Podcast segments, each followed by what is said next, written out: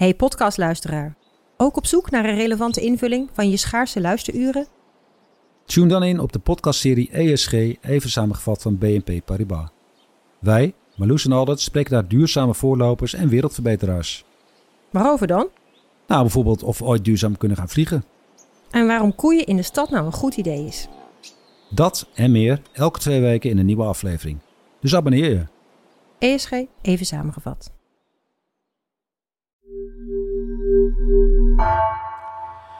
In deze aflevering wordt gesproken over zelfdoding en seksueel misbruik.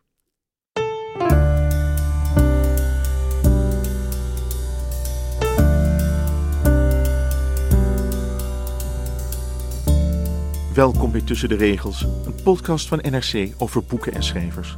Mijn naam is Michel Krienaars en je luistert naar de tweede aflevering van een negendelige reeks over boeken die de wereld hebben veranderd.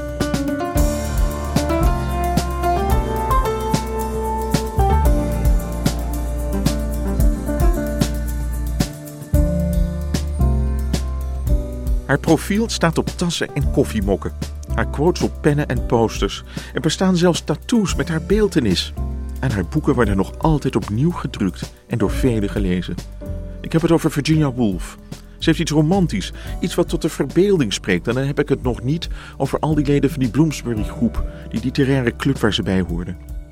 Ze staat bekend om haar ingewikkelde eigenzinnige boeken, haar affaires met vrouwen, haar grillige kunstenaarsbestaan. En daarnaast had ze last van zware depressies en eindigde haar leven in een rivier. Ze heeft zichzelf verdronken in 1941. Waarom groeide Virginia Woolf uit tot zo'n icoon? Wat hebben we er vandaag aan om Mrs. Dalloway te lezen? Ik bespreek het met boekenredacteur Rosanne Hollak en met Neerlandicus en emeritus hoogleraar genderstudies Maaike Meijer.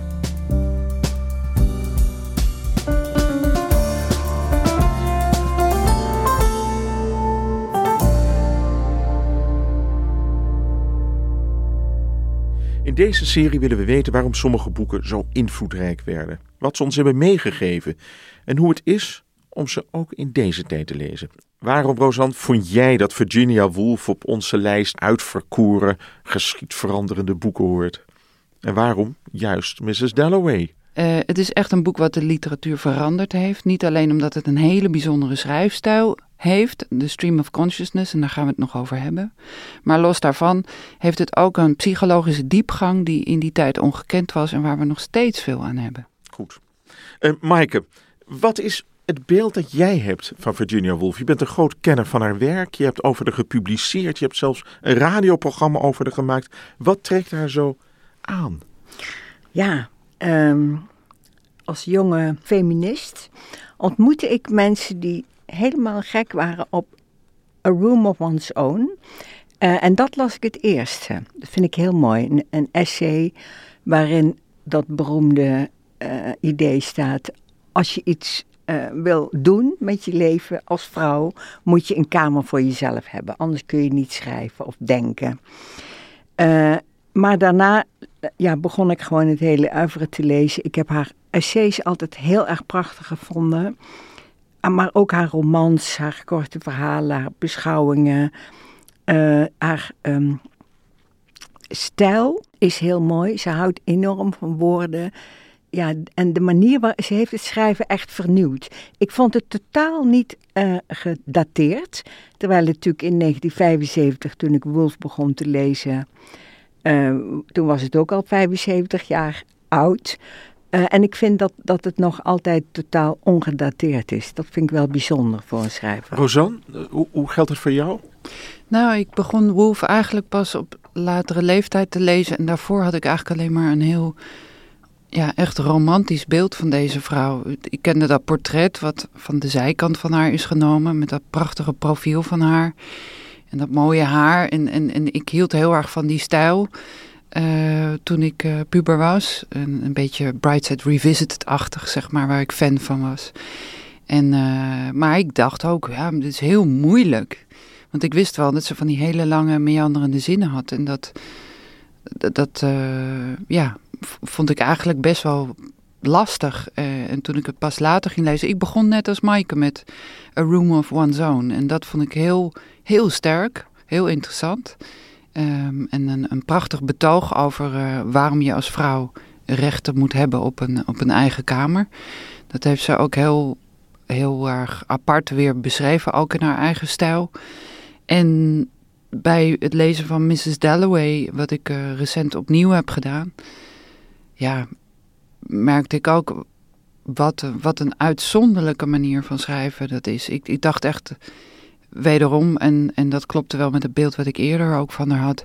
Dit is iemand die zoveel in haar hoofd heeft, zo'n associatief brein. Zo interessant en ook ingewikkeld. Was het niet ook dat leven in die tijd, de jaren twintig, Engeland, de upper middle class en de upper class, mooie landhuizen, uh, intellectueel bedrijf, fluïde gender, zullen we maar zeggen. Ja, heerlijk termen. allemaal. Ja, ja precies. Ja, ik, ik, ik, ik, moet zeggen dat dat, dat upper class uh, laagje, dat, dat heeft mij nooit zo aangesproken.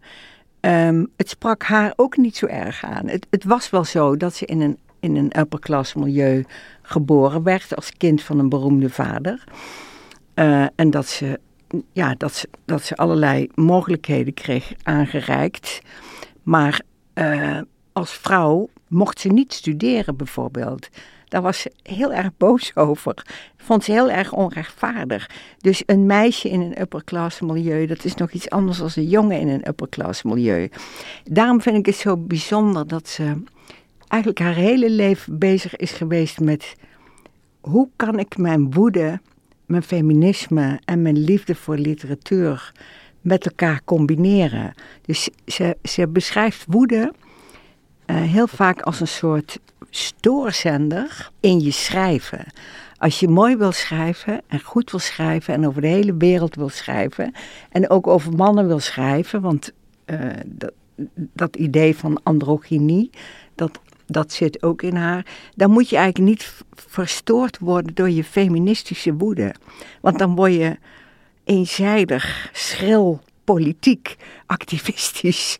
En dat, dat was ze, maar ze deed er voortdurend haar best om dat niet te zijn. Om een soort standpunt te vinden waarin ze eigenlijk boven haar, haar boosheid uitsteeg. En dat, ja, dat vind ik heel bewonderenswaardig. Dat iemand dat alsmaar probeert en dat het ook tot op grote hoogte lukt. En nog even, uh, Maaike, hoe, hoe werd ja, Wolf in haar eigen tijd gezien? Was het al meteen, was haar werk al meteen succesvol? Was ze meteen een voorbeeld voor de, eh, de literatuur? Waarom was ze al meteen een feministisch idool voor velen? Nee, Hoe zat nee, dat? Nee, ik, ik denk dat, uh, uh, dat groeide langzaam. Uh, dus haar, haar eerste boeken, The Voyage Out, uh, Jacob's Room, die werden wel gewaardeerd. Ze was natuurlijk ook de dochter van Sir Leslie Stephen. Uh, uh, maar haar, haar roem groeide langzamerhand. Maar ik, ik geloof dat um, To the Lighthouse, is een van haar middenromans, Mrs. Dalloway, die, die werden heel erg gewaardeerd. Ja, heel erg. En dat groeide langzamerhand. En op een gegeven moment werd zij gewoon een echt niet weg te denken figuur in, in het Engelse literaire landschap. Maar ze schreef ook, ze schreef ook essays en krantenstukken. Ze, ze werkte voor de, voor de BBC, voor de radio. Ze was ook behoorlijk alom aanwezig. En toch is er een soort, soort gat gevallen een tijd lang ook, hè? dat ze minder populair is geweest. Zeker, ja. Dat, dat, uh, dat gebeurde na de oorlog. Toen was ze gewoon een, een aantal decennia eigenlijk heel erg onder de radar. Of de meeste mensen herinnerden zich haar nog wel. Maar de literatuur is toen heel erg veranderd. De Angry Young Man kreeg je, hè? Ja, dus toen, toen was, het, was Virginia Woolf ineens leek een beetje outdated. Of dat was vroeger. En dat, dat is nu weer helemaal veranderd. Vanaf het begin van het feminisme, denk ik zo. Eind jaren 60, jaren 70 is ze weer helemaal herontdekt. Zijn een heleboel mensen haar opnieuw gaan lezen. Laten we het even hebben over het leven van Virginia Woolf. Rosanne, waar begon het? Kijk, die vader van haar, Celestie Stephen, dat was de beroemdste literatuurcriticus van zijn tijd, in de adelstand verheven, schrijver van een aantal grote biografieën, jong weduwnaar geworden. Ik geloof dat Virginia en haar zus Vanessa Ja, haar, moeder zoiets. stierf toen Virginia 13 was. En, en ja, Virginia werd dus in 1882 geboren. Ja. Maar die heeft dus echt jong haar moeder verloren. Ja. Wat was dat voor, voor een gezin? Nou, het was wel. ehm, Leslie en Julia Steven, die waren allebei al getrouwd geweest. En die hadden ook al kinderen. En die zijn dus opnieuw getrouwd. En die hebben toen, eh, als ik het goed heb, vier kinderen nog weer gekregen. Ja. En ehm, ja, eh, dus, dus Virginia groeide op in een groot gezin. Waaronder ook met eh, halfbroers. En ehm, eigenlijk is er ontzettend veel misgegaan al in de jeugd. Want dus op de dertiende gaat er moeder dood ehm, en haar halfzus toen ze 15 was al. Eh, en dan op haar 22e verliest ze ook nog eens haar vader. En twee jaar later de broer Toby. Dus dat is echt het ene ellende na het andere. En dan is een andere halfzus ook nog eens eh, geestelijk gestoord. En zelf heeft Virginia last van, van, van krankzinnigheid ook op momenten. Het schijnt dat na de dood van haar moeder de eerste depressie al is, is geweest. En eh, ja, wat het dan allemaal nog een stuk grimmiger maakte. Het is, het is wel zo, die, die vader is na de dood van de moeder verhuisd naar Londen. En die vader wilde ooit eerst nog predikant, eh, of tenminste in zijn gezin wilden ze dat hij predikant zou worden. Dat heeft hij niet gedaan. Hij is dus literair en politiek journalist geworden. En het was een heel levendig, intellectueel gezin. Hogere middenklasse. Eh, ze woonden in Kensington Hyde Park Gate 22. Dat is een doodlopende straat. Ze hadden zeven bediendes. Dus het was allemaal heerlijk. Iedereen had alle ruimte. En het schijnt een heel levendig gezin te zijn geweest. Maar goed, al die ellende heeft natuurlijk een heleboel verstoord. En er is een heel zwarte wolk die ook over het gezin hangt. Want Gerald Duckworth, dat was dus de, haar halfbroer en eh, de zoon van de moeder van Virginia. Die heeft haar op jonge leeftijd eh, op een tafel gezet en eh, in haar onderbroek gezeten met zijn hand. En toen de vader van Virginia overleed, heeft de andere broer George haar en haar zus vijf jaar lang misbruikt.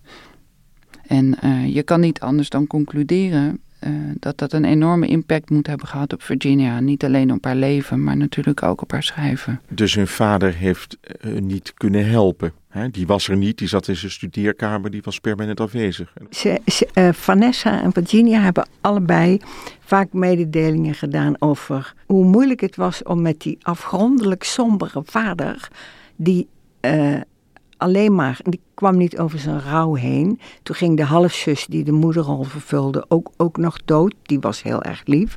Nou, ja, ze waren op een bepaalde manier heel opgelucht toen hun vader stierf. Want toen waren ze in, ineens vrij toen de, de halfbroers die, die waren het huis uit en zij mochten met de vier kinderen, Stefan met Adrian, Toby, Virginia en Vanessa, samen bedenken en hoe gaan we nu leven? Met die zeven bedienden natuurlijk. Ja, nou die... Want ze, die- ze bleven in dat huis toen met z'n allen. Of, eh, Nee, op een gegeven moment zijn ze verhuisd. Mhm. Ehm, ik, eh, ik meen ook dat ze maar twee bediendes meenamen. Dat ze alleen maar de kok en de schoonmaakster meenamen. maar dat ze vooral eh, besloten om zich van hun familie te bevrijden. Want in een upper class milieu moet je naar tante die en tante die.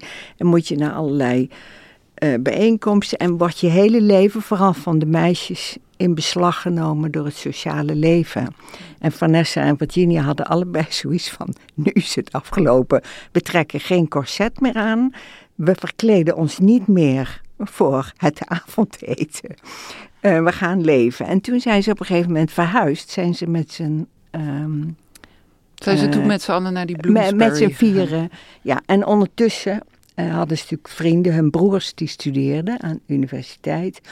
En die hadden allemaal vrienden die het ook heel goed konden vinden met Vanessa en Virginia. En dat was in die tijd wel heel ongewoon, dat de jonge mensen zo vrij met elkaar op, omgingen en vrienden waren.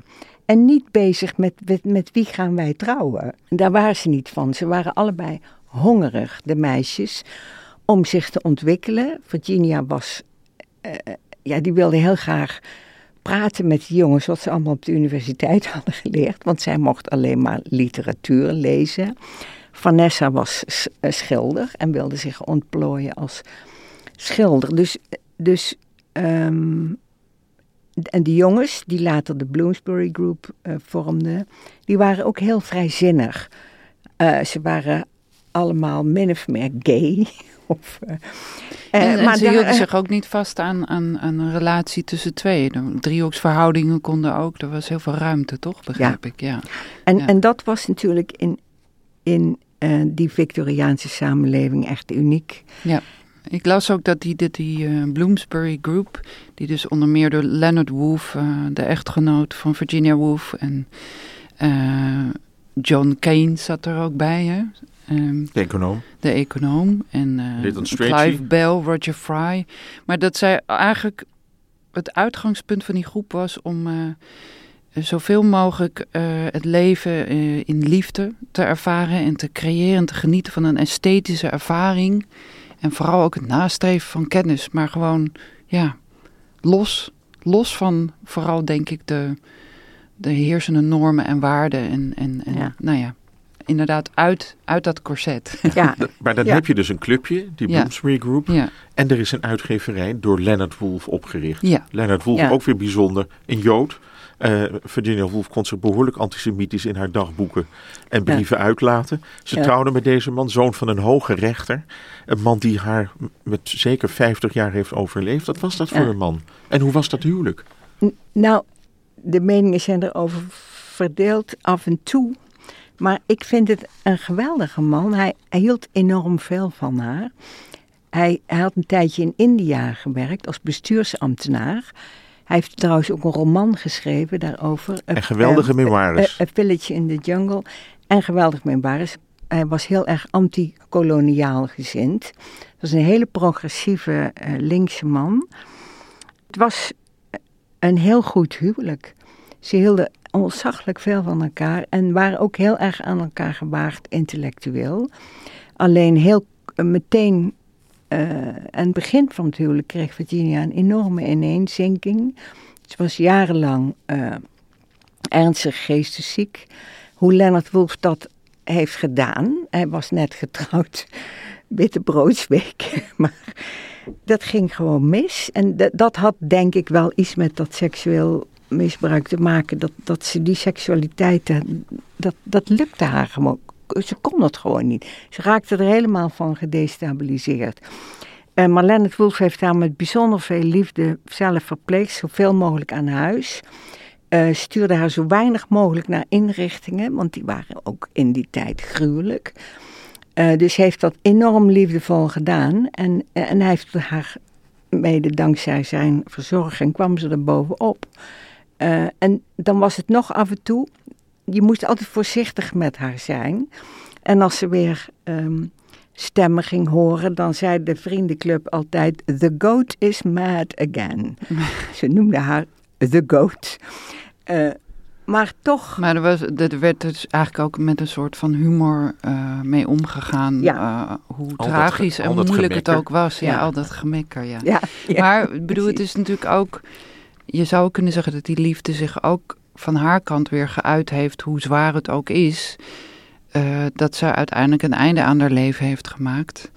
Uh, door de rivier in te gaan, stenen in haar zakken te stoppen. En ze heeft toen een brief achtergelaten aan Lennart, waarbij ze ook wel duidelijk maakte van, we hebben echt een ongelooflijk goed huwelijk gehad, maar het, ik wil je meer leed besparen ook. Um, die brief, ja. Uh, ja. Die wordt trouwens ook deels in, in de film The Hours, komt dat weer terug. Die film Naar begint en eindigt Cunningham. daarmee. Ja, Ja. precies. Ja. Maar die, die, brief heeft ze ook echt aan hem geschreven. Ja. je, je kan aan de ene kant denken, is het egoïstisch of is het juist heel liefdevol geweest? Hè, dat ze dacht, ik wil jou niet meer belasten nu met, Ja. mijn, met mijn waanzin. Nou, laten we naar eh, Mrs. Dalloway gaan. Wat is het voor een boek? Ik kan alleen van zeggen, het speelt zich allemaal af op één dag in juli. En er gebeurt heel erg veel. Ja, het is echt, echt, echt duizelingwekkend bijna wat er allemaal in gebeurt. Ik bedoel, wat Virginia Woolf in drie pagina's al kan schrijven, dat is, dat is echt ongelooflijk. Het is heel, heel dicht en dik geschreven. Maar het, ja, samenvattend gaat het over mevrouw Dalloway. Die, um, en het is een hele beroemde eerste zin ook van een boek die veel mensen wel eens gehoord hebben. Die zin begint met mevrouw Dalloway zei dat ze de bloemen zelf wel ging kopen. En dat begin, dat is dat ze uh, naar buiten gaat in Londen. Ehm, ik bedoel, dat ze de bloemen zelf gaat kopen, zegt ook al genoeg. Hè? Dit is dus een dame uit de middenklasse, want ze kan er ook voor kiezen dat ze het niet zelf gaat doen. Maar ze gaat naar buiten. En meteen is daar de sensatie van, van, van de buiten en de dag. En, en, en ze geniet en ze gaat het park in. En uh, je zit helemaal in haar gedachten. Want zij gaat ook meteen terug in haar gedachten naar vroeger, naar momenten in de jeugd waar ze enorm van geniet. En dan terwijl ze aan het wandelen is, dan komt ze ook een, een jeugdliefde tegen. En uh, dat is Peter Walsh. En die is ooit erg verliefd op haar geweest. En daar heeft ze even een praatje mee. En ondertussen gaat ze weer door, gaat ze richting die bloemen. En het grappige is dat ondertussen in dat park staat ineens dat perspectief open, over naar iemand anders. Uh, en dat is Septimus Smith, dat is een veteraan uit de Eerste Wereldoorlog. Die zit daar met zijn vrouw in het park. En die man die leidt aan shellshock. En zijn gedachten gaan alle kanten op. Dus die verwarring, je gaat ook namelijk van haar hoofd in zijn hoofd over. En je wordt helemaal meegenomen in zijn verwarring en hoe hij de wereld weer ziet. En dan zoomt dat perspectief weer uit en dan gaat het weer over de stad en wat er allemaal gaande is. En de Big Ben die ondertussen slaat. En uh, het is een hele, ja, een soort stroom. Het doet me bijna denken aan, aan die film Birdman. Ik weet niet of dat uh, jullie iets zegt, maar dat is ook een film waarbij de camera helemaal over alles en iedereen gaat en dan weer het perspectief en dan weer het perspectief van de ander neemt. Het is gewoon één grote stroom. Ja, twintig personages. En er komen iets van twintig, ja, zelfs voorbijgangers of iemand die op de stoep zit. Ineens ga je in het hoofd van die persoon, dan ga je er weer uit. En dan ga je weer door en het eindigt uiteindelijk op dat feestje waar zij die bloemen voor aan het halen is. Ja, waar iedereen dat gaat er gebeuren. Hè? Het is allemaal Ja. voor, de voorbereiding van een groot feest. Precies. Is dit hetgene wat, wat Wolfs boek zo ja, nieuw maakt, vooruitstrevend maakt? Het klinkt ook zo'n beetje naar eh, ja, de, eh, een verslag van, van een, een, een autopsychotherapie. Ja, ja, ja, ja, ja. Ik denk ook eh, zeker dat, dat, het, dat, dat, dat wat het zo intrigerend en nieuw maakte, is dat het een vorm van psychotherapie is die hier wordt toegepast. En dat echt eh, juist in een, in een periode waarbij iedereen zich nog zo keurig aan de normen en waarden houdt. eh, zij laat zien via die stream of consciousness techniek die in dit boek plaatsvindt, dat je dus gewoon heel diep de ruimte geeft aan allerlei gedachtenstromen. En dat je de veelvuldigheid van de menselijke geest laat zien. En de goede en de slechte kanten. En dat je niet perfect bent. Ja. En dat is een vorm van vrijheid, denk ik, die er nog heel weinig was in de literatuur. Rosanne, dat is de stream of consciousness. Ja. Wat, wat is dat precies? Nou, dat is eigenlijk, het is een literaire techniek en die biedt ruimte aan gedachtenstromen, eh, waarbij eh, ook van het ene personage in het andere overgesprongen kan worden, maar waarbij ook zeg maar, als een soort blik van buitenaf dingen beschreven kunnen worden. En, je- en je duikt in een persoon en kijkt dan weer hoe, hoe die het aanschouwt, het leven, en dan, dan spring je er weer uit en dan ga je weer door. Het, het is echt een alomvattende verteltechniek, heel knap. Maaike? Nou, eh, het is, als je de geschiedenis van de literatuur bekijkt, is het heel boeiend hoe op een gegeven moment innerlijkheid wordt gezien als gebeurtenis. Als je middeleeuwse ridderromans leest of epen, hè, dan gaat het allemaal over gebeurtenissen. Wat mensen doen en wat ze zeggen. Maar het gaat niet over hoe men, dat er van binnen dingen gebeuren en dat je daar ook een, een taal voor hebt. Dus de ziel zit aan de buitenkant heel lang in de literatuur. En op een gegeven moment zie je dat, dat innerlijke gebeurtenissen ook gebeurtenissen zijn. En dat daar een taal voor is. Dat heeft te maken natuurlijk met de ontdekking van het individu, eh, ja, de persoonlijkheid. En dat, en, en dat is moderne literatuur. Er is hier geen held. Er is nauwelijks, ja, er zijn een paar personages die belangrijker zijn dan anderen. Maar het gaat over ook heel erg de interacties van die personages, hoe die elkaar creëren. Het gaat eigenlijk helemaal in tegen, de, tegen het idee van individualiteit en autonomie. Het gaat over interactie, hoe, hoe mensen elkaar scheppen. Uh, dat is heel mooi. En, en ik zou nog zelfs aan willen toevoegen dat, dat uh, Het is niet alleen een beschrijving van gedachten, het is eigenlijk een beschrijving van hoe je de wereld ervaart. Van hoe zit je op een stoel, wat ruik je. Uh, tegelijkertijd denk je iets over iemand van hij heeft een vlieg op zijn neus en, en je hoort een uh, vliegtuig overvliegen. En dat dat allemaal tegelijkertijd plaatsvindt. Zoiets heeft ze ook willen doen. Een totaal alomvattend ervaren van het bestaan. En dat, dat is ook zo mooi aan de, de versie van Virginia Woolf in vertaling van Boukje Verheij, die bij uh, Atheneum is uitgekomen. En daar zit een, een nawoord bij van de filosoof uh, Joke Hermsen. Toen ik dat las, dacht ik, oh ja, ik, uh, dit, dit is precies eigenlijk waar ik nog de woorden niet voor kon vinden wat zij nu uitlegt. Zij, zij, zij, zij zegt ook van, als lezer tuimel je mee over de mijmeringen van Clarissa, maar dat gaat dan over door op voorbijgangers op straat, een werkeloze man, een dienstmeisje dat zilver poetst. Uh, dan citeert ze Virginia Woolf. Dat komt uit haar dagboek in augustus van 1923. En dan zegt ze dat Virginia dat zelf uithollen noemde. En dan citeert ze: Eigenlijk zou ik ook van alles moeten vertellen over mijn grote ontdekking. Hoe ik achter de mensen die ik beschrijf holtes uitgraaf. Ik geloof dat ik daarmee bereik wat ik zoek: menselijkheid, stemming en diepgang. De bedoeling is dat die holtes met elkaar in verbinding staan en aan het daglicht komen in het heden. En, uh, en Joke Hermsen schrijft er dan over dat vanuit die bezielde holtes, dat ziet zij als een soort inner time. Uh, een, een tijd waarin de gedachten maar voortstromen en het zich volzuigt met sensaties en emoties en herinneringen. Een tijd die ook heel lang kan duren. Uh, en vanuit die tijd kunnen we diepgaande verbindingen of zielsverwantschappen aangaan met anderen. Ja. Dus het, het gaat heel erg inderdaad bij Virginia Woolf over die menselijke universele verbinding. Ja. En wat ik dan heel interessant vind is dat Joke Hermsen ook nog laat zien dat die vorm van tijdbeleving, die heel breed en lang kan zijn. Toen ik dit las, dacht ik ook, en nu ga ik even in een park wandelen. En toen heb ik ook geprobeerd om dat zo te ervaren. Toen dacht ik, ja, ik ervaar nu alles om me heen. En inderdaad voelde het als heel tijdloos. En dan eh, moeten we eigenlijk dat slaan van die Big Ben ervaren als de tijd zoals wij als mensen de tijd indelen. En waardoor we gehaast en gejakkerd kunnen zijn. En, en dan heb je die tegenstelling tussen die inner time en die clock time. Of, ja. Ja, maar Maaike, dan wil Ja. ik toch bij jou nog. Kom ik uit en dan ga ik even op de stoel van de psychiater zitten. Want niet voor niets is het eh, de Engelse vertaling van het werk bij Freud, van Sigmund Freud bij de Hogarth Press Zeker. van Leonard Woolf verschenen. Wat zegt dit? Dat tijdsbesef, dat kun je ook koppelen aan geestesziekte. Ja, aan die krankzinnigheid die, die bij Virginia Woolf een rol speelt. Zie je dat ook terug in het werk? Nee, nee ik, ik vind Mrs. Dalloway een heel erg levenslustig boek. Ik vind het... ehm, Nou, eh, voordat ik- je, voordat je doorgaat wil ik wel goed. één ding zeggen. Want dat vertelt Joke Herms ook. Die zegt, de krankzinnige, in dit geval Septimus...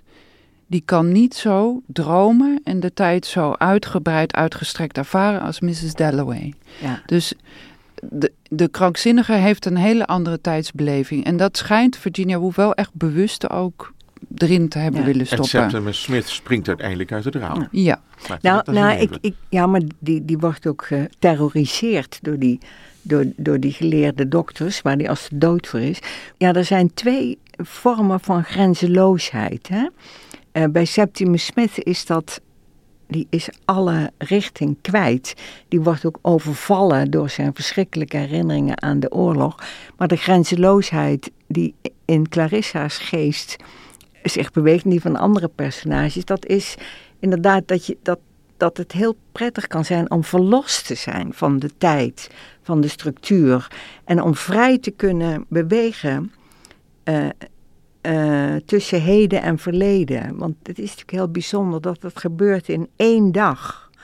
Terwijl de geest overal is geweest. In, in de jeugd, in allerlei episodes tot nu.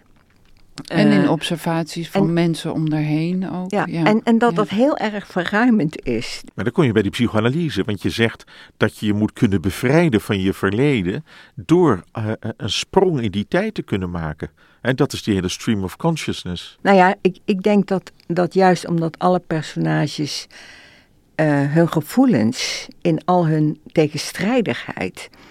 Peter Walsh is nog steeds helemaal verliefd op Clarissa en af en toe haat hij er. En vice versa.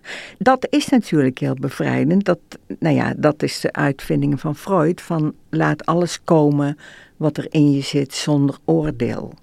Kijk ernaar, beleef het. En dat is intrinsiek bevrijdend. Ik, ik denk dat er heel veel dat er enige invloed van de psychoanalyse in dit boek zit. Dat, het, dat de psychoanalyse in werking is, bijna.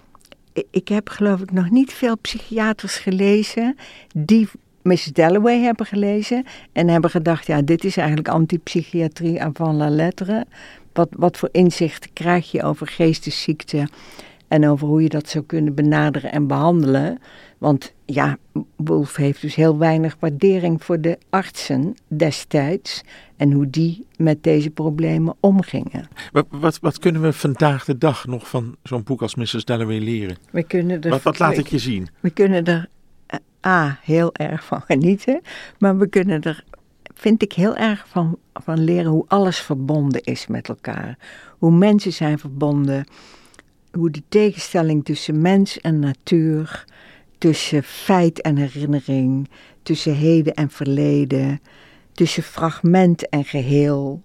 Dat, dat, dat, dat, dat, dat die tegenstellingen allemaal eigenlijk heel onwezenlijk zijn. Wat ik in de structuur van het boek heel boeiend vind, is dat alle personages die langs zijn gekomen, die komen uiteindelijk samen op het feest van Clarissa. Dus ook die verschrikkelijke William Bradshaw en zijn vrouw, dat is de dokter, die uh, heeft gehoord dat uh, Septimus uh, zelfmoord heeft gepleegd. En dus Septimus is ook aanwezig op de party als verhaal, wat de dokter meebrengt. Hoor wat we vandaag hebben meegemaakt. Uh, Sally Seaton komt op het feest, onverwacht. Met ja. wie Clarissa Dalloway ooit ja, een, een, een fling had. Ja. Een, een, een kus. Het ja. mooiste moment uit mijn kus. leven, ja. zegt ze ergens. Ja. Het is heel mooi op het einde dat, dat Sally Seaton en Peter Walsh, haar, haar twee geliefden van vroeger, dat die allebei eigenlijk op haar wachten. Dus Sally en Pieter raken ook in gesprek met elkaar over vroeger. En dat ze, en dat ze allebei op haar staan te wachten. En dan eindigt het met het is Clarissa, zei hij, want daar was zij. Dan komt ze tevoorschijn. Het boek is één ode aan de ouder wordende vrouw. Hè? Clarissa is het centrum, die is 52. Ze wordt heel vaak beschreven ook als heel mooi. Dus Virginia is knetterverliefd op dat personage. Maar als een bloeiende, complexe vrouw die uh, alle kanten van zichzelf of van de menselijke psyche of misschien van de vrouwelijke psyche laat ronddraaien. Maar haar feest is om in een mooi huis met lekker eten, met prachtige bloemen, al die mensen in al hun complexiteit bij elkaar te brengen en die, en die hebben daar is interactie, er is leven, er wordt gelachen, er zijn ontmoetingen, er zijn herinneringen. En dat komt allemaal bij elkaar op dat feest. Dus de, die compositie, dat het feest een soort mise en abîme is van de roman als geheel, vind ik ook heel knap gedaan. En, en, en, wat, ja, is voor jou de relevantie van, van deze roman? Wat ik interessant aan het boek vind, is dat zij eigenlijk ook zegt: de menselijke geest is tot alles in staat en je mag er geen oordeel over hebben. Weet je, we, we, we, we hebben onpure gedachten, we hebben kritiek op onszelf. En um, zij, zij schrijft ook dat die Bradshaw misschien wel, deze jonge man die ze dus niet heeft gekend, die zelfmoord heeft gepleegd, dat hij misschien zijn ziel wel geweld heeft aangedaan. Uh, door als arts niet goed naar hem te luisteren. En dat die arts hem kapot heeft gemaakt. Dus dat is ook een originele gedachte van hè, tegen de medische uh, omgang met psychiatrische patiënten uit die tijd. En ze pleit dus heel erg voor vrijheid van denken en geest en, en de onzuivere gedachten die in een mens kunnen zitten. Dat is natuurlijk uh, een, een, discussie die we nu ook nog steeds voeren over hè, wat mag een fictief personage wel en niet denken? Wat mogen mensen überhaupt wel en niet denken? Het gaat natuurlijk ook over de grens tussen wat in ons omgaat en hoe je vervolgens ook gedraagt. Ja. Nou, en dat vind ik ook uh, een heel waardevol, uh, waardevolle kant Zeker. Die, zij, uh, die zij laat zien. Ja, Nou, dan kom ik bij Ja. mijn laatste vraag die jullie in feite al hebben beantwoord. Hoe heeft Mrs. Dalloway de wereld veranderd? Ja, hoe verandert literatuur de wereld? De literatuur verandert mensen die het lezen. Eh, en ik denk dat dat, eh, ja, dat gekke, die humor, eh, die schoonheid, die hartstocht. ehm, ja, ik, ik, ik denk dat Wolf veel invloed heeft gehad en nog, en nog zal hebben op andere schrijvers. Rousseau? Nou ja, ik denk vooral ehm, eh, dat, dat de manier waarop zij eh, met tijd is omgegaan op een bepaalde manier ontzettend zinvol kan zijn om dat nu te lezen. Omdat we meer en meer in een, in een door de klok gedwongen tijd leven. En, en dat we steeds minder ruimte krijgen aan, aan een manier van tijd beleven waarin je creativiteit, je, je gedachten eh, en die gedachtenstroom die eigenlijk in dit boek wordt beschreven, dat je daar de ruimte voor hebt, wat wezenlijk is voor mensen om te ervaren. Omdat dat ook zorgt voor verbinding met elkaar. En, en, en, en, en ervoor zorgt dat je naar het grotere geheel, dat je daar bewust van bent, dat je daar deel van uitmaakt. Ik denk dat de kracht daarvan eh, heel erg in haar boek schuilt, van dat inzicht. Dank jullie wel. Graag gedaan.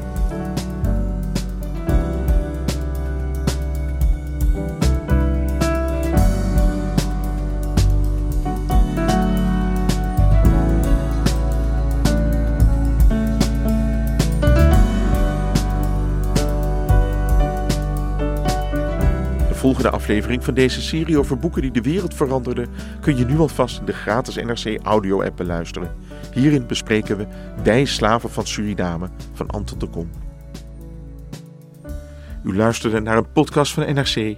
Deze aflevering is gemaakt door Janne Gierke. Tot de volgende week.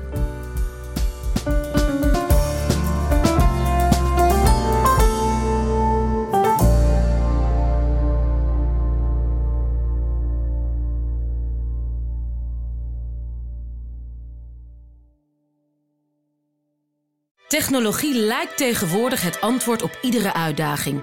Bij PwC zien we dit anders. Als we de potentie van technologie willen benutten, kunnen we niet zonder een menselijk perspectief. Human-led, tech-powered noemen we dat. Ga naar pwc.nl.